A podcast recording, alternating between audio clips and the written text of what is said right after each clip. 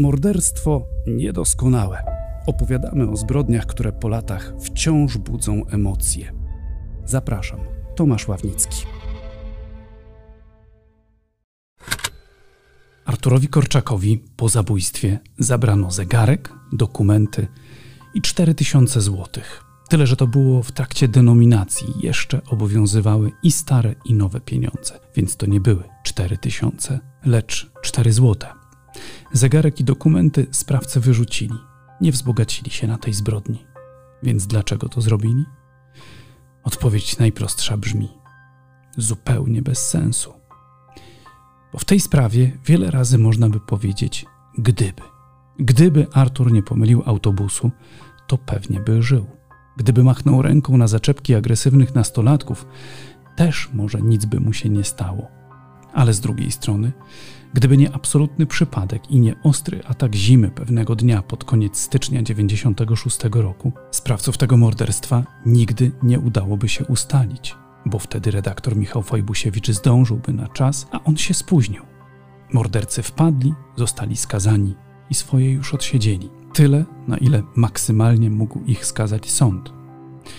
Ta zbrodnia była dość głośna. Ofiarą był dziennikarz muzyczny publicznego Radia BIS, czyli obecnej radiowej czwórki. Miał 31 lat. Gdy weszłam do bramy numer 50, zauważyłam, że na ziemi, wzdłuż bramy, leży nieznany mi mężczyzna. Myślałam, że jest pijany i chciałam go obudzić. Nie widziałam jego twarzy, ponieważ miał na nią narzucony płaszcz. Na jego brzuchu leżał kawałek płyty chodnikowej. Gdy wzięłam go za rękę, stwierdziłam, że jest zimna. Nie wyczułam pulsu i już więcej go nie dotykałam. Pozostawiłam go w pozycji, w jakiej go znalazłam. Mężczyznę tego odnalazłam około 5.45. Chciałam początkowo wezwać pogotowie, lecz nie miałam skąd zadzwonić. Nie mam w domu telefonu. Napotkanym przypadkowo przechodniom powiedziałam, żeby zadzwonili po pogotowie. To fragment zeznań Celiny W., 64-letniej dozorczyni kilku kamienic przy ulicy Stalowej w Warszawie, jakie przytacza czasopismo bez przedawnienia. Warszawiakom nazwa ulicy mówi wszystko. Jasne, że pani Celina jako dozorczyni musiała tu widzieć wiele, bo ulica Stalowa na Pradze Północ cieszy się od lat niesławą. I wiadomo, kto nie jest stąd, raczej lepiej by ją omijał, szczególnie po zmroku. Artur Korczak trafił tu przypadkiem, bardzo nieszczęśliwym przypadkiem. Owszem, był pijany. No i po pijanemu pomylił numery autobusów, dlatego w środku nocy trafił na ulicę Stalową. Ale ta historia zaczyna się chwilę wcześniej. 30 listopada 1995 roku. Andrzejki. Artur Korczak skończył dyżur w radiu. Najpierw pojechał do swego wynajmowanego mieszkania na Grochowie przy Kickiego. Na stałe zameldowany był w Częstochowie. Stamtąd pochodził. Na wieczór był umówiony na imprezę u koleżanki przy krakowskim przedmieściu. Przyjechał około 22. Było sporo osób. Pili, oczywiście. Było i piwo, i wino, i wódka. Generalnie każdy pił to, co przyniósł. Tak to zrekonstruowano parę miesięcy później w magazynie kryminalnym 997 w telewizji polskiej. Artur Korczak pochodzi z Częstochowy. Od blisko 11 lat mieszkał w różnych rejonach Warszawy. Tu też studiował na kilku uczelniach. Był fanem radia. Od trzech lat związany był współpracą z polskim radiem, radiem BIS. Spotykać się będziemy my i będziemy się przepychać. Będziemy przepychać, forsować swoje ulubione gatunki muzyczne, a być może dojdziemy do jakiegoś... Po pracy w radiu Artur Korczak trafił na imprezę Andrzejkową. Do magazynu kryminalnego produkowanego przez łódzki ośrodek TVP jeszcze powrócimy, ponieważ program ten i jego autor, Michał Fajbusiewicz, odegrali decydującą rolę w namierzeniu sprawców. Teraz jednak wróćmy na imprezę przy krakowskim przedmieściu. Koleżanka Anna K. mówiła później na policji, że trudno powiedzieć, na ile Artur był wówczas pijany. Na pewno był wesoły. Na pewno było też z nim na tyle okej, okay, że film mu się nie urwał, że o własnych siłach poszedł, gdy impreza dobiegła końca. To było gdzieś około drugiej w nocy. Z mieszkania wyszli w kilka osób. Najpierw krakowskim przedmieściem szli sporą grupą w kierunku Nowego Światu. W okolicach skrzyżowania ze Świętokrzyską część osób z tej ekipy odłączyła się i poszła w swoim kierunku. Artur został z jednym kolegą, Piotrem P. Razem ruszyli dalej w kierunku Ronda de Gola, na przystanek autobusowy Muzeum Narodowe w kierunku Pragi. Dziennikarz Biski zamierzał wracać do siebie, na Grochów. Koledze natomiast pasował każdy autobus w stronę Pragi, bo on mieszkał na Solcu, czyli jechał jeden przystanek i wysiadał na moście Poniatowskiego. Czekał więc, aż podjedzie taki autobus, który Arturowi będzie pasował, bo jemu to bez różnicy. Piotr P. pamiętał, że przesiedzieli na przystanku jakieś pół godziny. Specjalnie, żeby Artur nieco otrzeźwiał, bo faktycznie pijany był mocno. Po drodze zataczał się na tyle, że trzeba go było przytrzymywać, ale potem już wyglądało, że nie jest źle. W międzyczasie przejechało sporo autobusów, w końcu Artur kiwnął, że ten, co podjechał, pasuje mu i wsiedli. Autobus był pełny, miejsc siedzących nie było. To była linia 602, wtedy obowiązywała inna numeracja, nie było jeszcze linii nocnych oznaczonych literką N. Trasa 602 przebiegała następująco: z dworca centralnego Alejami Jerozolimskimi, mostem Poniatowskiego, dalej Aleją Zieleniecką, Targową 11 listopada, Stalową, Szwedzką na Brudno. Artur Korczak opuścił autobus na Stalowej na przystanku Szwedzka 05 i wtedy i teraz zatrzymują się tu wyłącznie linie nocne. Linie dzienne mają trasy poprowadzone nieco inaczej. Użyłem słowa opuścił, bo początkowo nie było wiadomo, jak to się stało, że zmasakrowane ciało dziennikarza znaleziono w bramie kamienicy Stalowa 50 tuż przy przystanku. Nie było jasne, czy Artur wysiadł sam, czy też ktoś mu w tym, w cudzysłowie, pomógł. To nie były czasy, gdy w każdym autobusie były kamery monitoringu i policji pozostawało ustalić sprawców z zarejestrowanych nagrań. Tu czas oddać głos Michałowi Fajbusiewiczowi, autorowi magazynu kryminalnego 997, w którego programie zdarzyło się coś, co było ewenementem na skalę światową. Telewizje z wielu krajów Europy prosiły go potem o rozmowę, bo to nie miało miejsca nigdzie indziej. Zabójca Artura Korczaka w programie 997 zagrał zabójcę Artura Korczaka. Jak do tego doszło? Właściwie to przypadkiem. Jak to się stało, że na planie rekonstrukcji morderstwa Artura Korczaka no, znaleźli się sami sprawcy? W zasadzie to jest zasługa ostrej zimy, która wtedy była w czasie kręcenia tych zdjęć. My robiliśmy dwie sprawy tego dnia i jak kończyliśmy w redakcji u Korczaka zdjęcia, to się przemieszczaliśmy na Pragę, gdzie te zdarzenia miały miejsce. I ze względu na ciężkie warunki zimowe się spóźniliśmy do Warszawy w ogóle na zdjęcia, bo jechali, już nie pamiętam czy z Katowic, gdzieś z innego planu, ale w innej części Polski. I się spóźniliśmy 2-3 godziny. To akurat w redakcji to nie był problem, ale był problem tam na miejscu na Pradze, ponieważ my mieliśmy umówionych uczniów z liceum, tam produkcja zamówiła, no bo była hipoteza, że to nieletni dokonali tego zabójstwa, taka policyjna. I wtedy, ponieważ się spóźniliśmy, to ci młodzi ludzie już na nas nie czekali, było bardzo zimno, omówieni byliśmy na ulicy o określonej godzinie, tam po południu czy wczesnym wieczorem. Wiem, że jak już kręciliśmy, to było ciemno, no ale zimą się robi dość szybko ciemno. I po prostu ci, którzy u nas zagrali, ci młodzi, gdzie to byli łapanki. No, produkcja, kiedy podjechaliśmy, no, na moją prośbę szukała młodych ludzi, ale to były lata, kiedy jak przyjeżdżała ekipa telewizyjna, jeszcze mój obanorowany samochód 997, to się zbierały tłumy. Dzisiaj to żadnego wrażenia ekipa telewizyjna nie robi, bo jak się dwa samochody zderzą na ulicy, to przyjeżdża 10 ekip.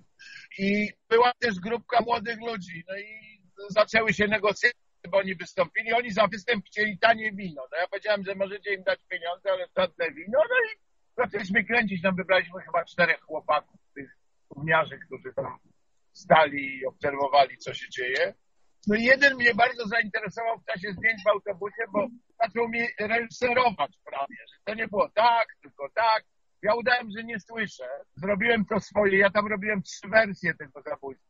Sam wysiadł, że go ktoś wyprosił z autobusu. I jak skończyliśmy zdjęcia do tego, to był z nami na planie jeden z funkcjonariuszy z praskiej komendy. I podzieliłem się z nim tą refleksją, że mówię, ten gówniarz, który to był, wskazałem, który, najprawdopodobniej był świadkiem tego zdarzenia, a być może, że nawet jednym ze sprawców, bo za dużo za dużo kombinował, kiedy my tam kręciliśmy te sceny w autobusie. Jakie uwagi wam zwracał? No wie pan, że to wcale sam nie wysiadał, on do kumpla mówił, nie do mnie, nie, nie. Ja to podsłuchałem. Przy okazji to nie było wprost do mnie uwag, tylko usłyszałem trzy czy cztery komentarze między tymi chłopakami, bo oni byli z jednej paczki.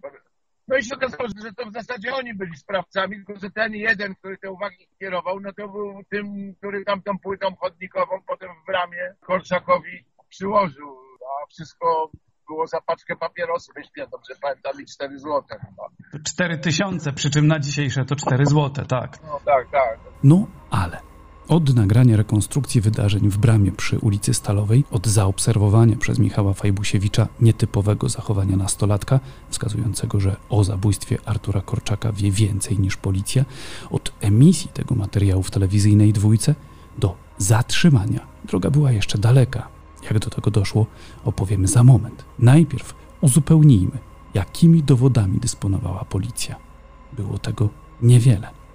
W bramie kamienicy tuż obok ciała zamordowanego znaleziono parę pustych butelek po wódce i spirytusie oraz kartonik po soku jabłkowym. Poddano je ekspertyzom i wyszło, że nie miały one żadnego związku ze sprawą. Przesłuchania mieszkańców szły bardzo opornie. Nikt nic nie widział, nikt nic nie słyszał. Tu lepiej nic nie widzieć i nie słyszeć. Jedna z sąsiadek przyznała, że około trzeciej w nocy słyszała coś jakby odgłosy uderzeń oraz nawoływania pomocy, ale jak wyjrzała przez okno, to nic nie zauważyła. Sekcja zwłok 31-latka wykazała liczne urazy czaszkowo-mózgowe. Złamane były m.in. kości czaszki oraz chrząstka tarczowata krtani. Bezpośrednią przyczyną zgonu było uduszenie. W moczu Denata stwierdzono 3 promile alkoholu. Nie do końca było też jasne, dlaczego Artur Korczak znalazł się na Pradze Północ. Jego kolega Piotr P. był przekonany, że razem wsiedli do autobusu, który wiózł Artura do siebie na Pragę Południe, tyle że numeru nie pamiętał.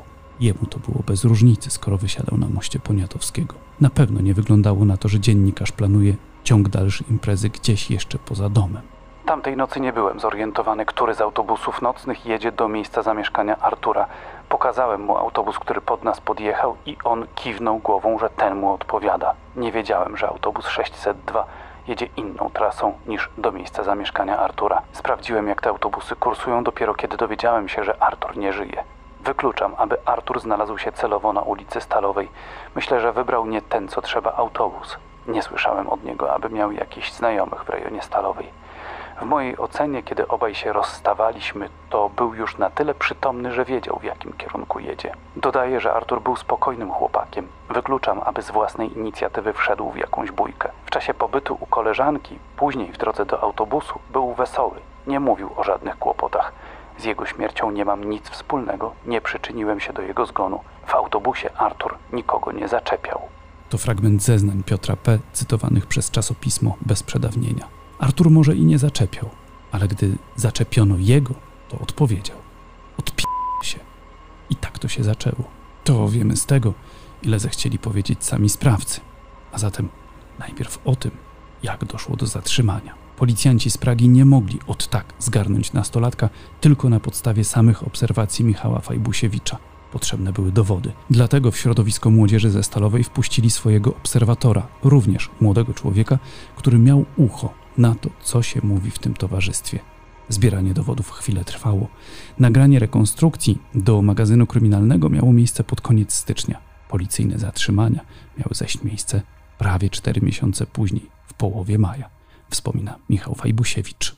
I wiem, że oni włożyli wtyczkę, oni go nie spłoszyli, włożyli wtyczkę w to środowisko jakiegoś starszego chłopaka, no i go przymknęli dopiero po trzech miesiącach czy czterech no i on się przyznał, e, no to była sensacja, no nawet parę ekip z zagranicy ze mną wywiady robiło, fragmenty brało z telewizji, tej inscenizacji, także poza granicę nawet ta sprawa się wylała. No i wiem, że on dostał, bo on był, nie powiem, że nieletni, to on dostał 15 lat, ale on już jest dawno na wolności. No właśnie. Czy on kiedykolwiek się potem z panem kontaktował, że on przez pana w sumie... Nie, ja nie miałem nigdy, nie wiem czy na szczęście, no nie wiem, no to jest różnie, no.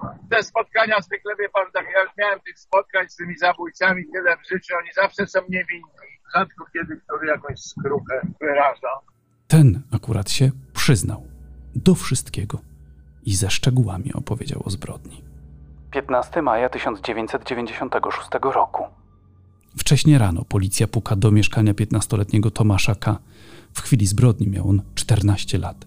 Policjantom opowiada, co robił w Andrzejkowy wieczór. że był ze swoim nieco starszym kolegą Arturem D.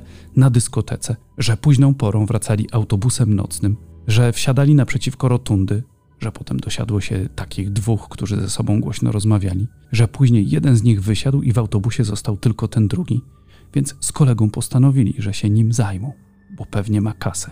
No to Tomasz K. podszedł do 31-letniego pasażera i zapytał, czy ma zegarek. K. w zeznaniach podkreślał, że on do mężczyzny zwracał się kulturalnie, na pan. Ten zaś odpowiadał mu na ty. I właśnie przy pytaniu o zegarek padło w odpowiedzi odpi się. Wtedy czternastolatek odpowiedział, że jak chce, to mu wpierdli. Później jednak, tak twierdził, miał zaproponować nagabywanemu pasażerowi wspólne picie wódki i Artur Korczak miał na to przystać. Na przystanku Szwedzka dziennikarz miał wysiąść dobrowolnie, ale jeszcze nim autobus odjechał, nim zamknęły się drzwi, Tomasz K. z główki uderzył Korczaka w twarz. Gdy ten się przewrócił, zaciągnął go wraz z kolegą do bramy. Zadał mu kilka ciosów w twarz. Zobaczył, że ofiara jest już cała we krwi. W swoich wyjaśnieniach Tomasz K. mówił, że zrobiło mu się żal katowanego mężczyzny i już chciał mu tylko przeszukać kieszenie i odpuścić. Ale wtedy 31-latek miał powiedzieć: ci w dupę. I 14-latek uznał, że takiej zniewagi nie zdzierży. Wtedy już kopał mężczyznę na oślep. Stanął mu na szyi. Nie pamiętał, ile to trwało. Pamiętał tylko, że mężczyzna próbował osłaniać kurtką twarz. Czternastolatek chyba nieźle orientował się w meandrach prawa. W rozmowie z policjantami mówił właściwie tylko o swojej roli w tym wydarzeniu. O tym, co zrobił jego kolega Artur D., nie wspominał. Zdawał sobie sprawę, że kumpel ma ukończone 17 lat, więc może odpowiadać jak dorosły. 16 maja 1996 roku. Przed szóstą rano policja puka do mieszkania Artura D. Nie zastaje go w miejscu zamieszkania. Chłopak spędził noc gdzie indziej. Na marginesie, siedemnastolatek był już wówczas ojcem czteromiesięcznej córeczki, czyli dziecko rodziło mu się mniej więcej wtedy, gdy brał udział w zabójstwie Artura Korczaka. Po paru godzinach, gdy dowiedział się, że policja była w domu i o niego pytała, sam poszedł na słynną komendę przy Cyryla i Metodego. Dziś już w tym miejscu policji nie ma, przeniosła się na Jagiellońską. Jego wyjaśnienia brzmiały podobnie, że jechał z kolegą nocnym 602, że jadący autobusem pasażer im ubliżał i dlatego postanowił wysadzić go na Stalowej. Tam wypchnął go z autobusu i pociągnął do bramy w kamienicy numer 50. Bili i kopali obaj. Tomek uderzył go kilkakrotnie kamieniem w okolice klatki piersiowej i ja go kopałem. Jak ja przestałem kopać tego mężczyznę, to Tomek stanął mu nogą na szyi. Tomek sprawdził, co ten mężczyzna ma w kieszeniach. To fragment policyjnej notatki. Funkcjonariuszowi Artur D. powiedział, że na protokół woli obciążyć siebie, a nie kolegę, ponieważ nie pozwala mu na to honor, bo wyrósł na ulicy Stalowej, gdzie nie toleruje się kapusiów. Przyznał jednak, że gdy znaleźli się na Stalowej, to Tomasz K. zadał Korczakowi pierwszy cios, a potem w ataku złości wskoczył mu na krtań i przydusił, aż ten przestał harczeć. Artur D. tłumaczył, że nie chcieli zabić, chcieli jedynie pobić. Tomasz K. natomiast w wyjaśnieniach parę słów poświęcił swojemu występowi w 997. Przyznał, że było mu trochę głupio odgrywać tę rolę w rekonstrukcji, że wśród odtwórców ról napastników był też jego kolega, który także kopał Artura Korczaka, że za udział w programie dostał 10 złotych, które wydał potem na dyskotekę. No i że tak jak kazali im grać ludzie z telewizji, to nie tak, bo w rzeczywistości było nieco inaczej. Tą sprawą zainteresowało się wiele światowych stacji telewizyjnych. Oczywiście ewenement, żeby w dokumencie inscenizowanym wystąpił prawdziwy morderca. Niewątpliwie Artur musiał wysiąść z autobusu 602 na przystanku przy ulicy Stalowej 50 na Pradze Północ. Tu przyjęto dwie wersje wydarzeń. W pierwszej założono, że zaatakowany został na ulicy przez trzech, czterech mężczyzn.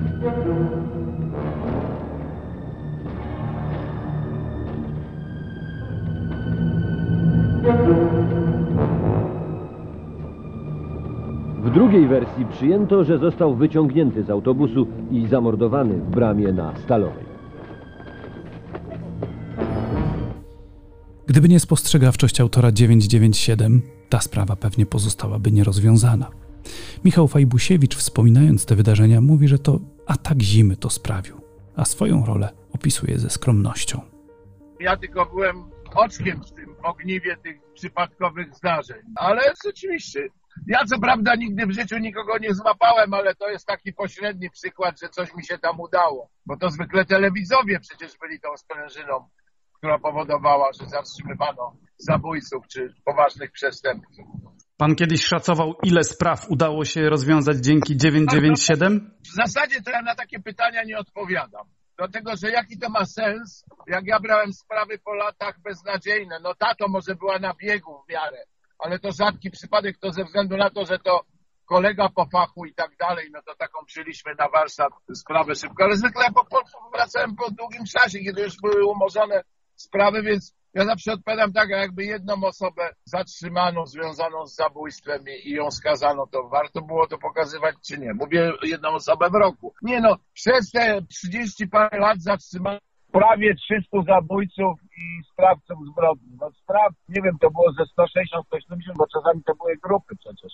Więc to jest ogromny sukces, ogromny. Statystyka nie ma tu sensu, jak mówię, no bo to czasami jest jakaś tak ważna sprawa, która gdyby nie publikacja, to by nigdy nie była rozwiązana. I to jest waga dopiero tego wszystkiego, no bo reszta to są przypadki wcześniej czy później. No ci, co się ukrywali na przykład za granicą, to myśmy przyspieszali ten proces ich złapania najczęściej, bo i tak wcześniej czy później by wpadli, tak? No, mhm. no tu udało się rozwiązać bardzo szybko.